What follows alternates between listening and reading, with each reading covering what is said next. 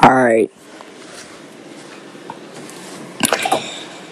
So, today I'm going to be talking about Microsoft Flight Simulator and the game itself.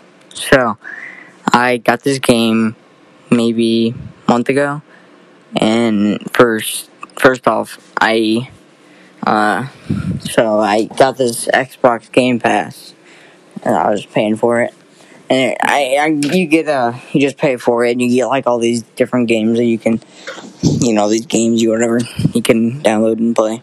So one of these was uh microsoft flight simulator.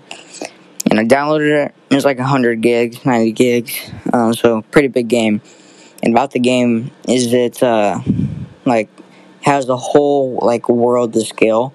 So if you want to go to your own house in the game you obviously could uh, you could go anywhere. You could go to the Taj Mahal. You could go to Chicago.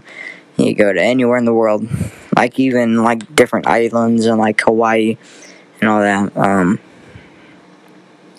so when you first load into the game, you have these options of what airport you want to take off of, what plane you want to use, and you can pick where you want to, where like your destination, where you're going to. So. Uh, Usually, I take off either from my hometown, Quincy, or Chicago, because they're pretty big. Not Quincy doesn't have big, but Chicago has a big airport. Or if it's like usually goes off of real time because you play with other people, you can't talk to them or anything, but you just see them like in the thing, like when they're flying their own planes. Um, yeah, so usually if it's dark out, then I'll go somewhere. I'll like take off at like maybe like India or any place that's light out like Europe. And uh, usually, like there's certain planes for certain types of lengths of flight over um, like different types of flying.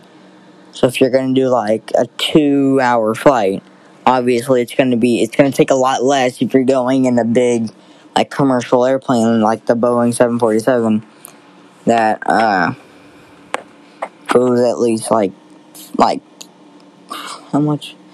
Like about 400 knots 300 knots.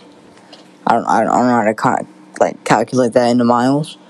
But yeah you obviously can do that or you can take longer and go into a smaller type of plane, like a Cessna, or like one of those types of planes. Then, uh, you have like your air traffic control. You obviously can't talk to them. It would be a lot cooler. You have to join like different Discord servers. You can talk to like the air traffic control, like if you're actually playing the game. Um, but when you if you're playing by yourself and you're just doing long, like very long airplane trips, usually you just uh you just do the air traffic control through the plane and you click it. You have to be there most of the time. You can pause it. Um, I'm gonna go get something to eat or whatever. Most of the time, you have to be there the whole time. So if you're doing like a nine-hour flight, it's like it takes real time so if you were going to go from Hawaii to Europe from across America, it'd obviously take a lot, like, take a long time. If it said 16 hours, it would obviously take 16 hours. I don't know how, how actual long it is, but I'm sure it's pretty long. But, yeah, so the game, honestly, is super nice. I like it. It's currently updating right now, 13 gig update taking forever. That's really. Alright, I'll see you guys later.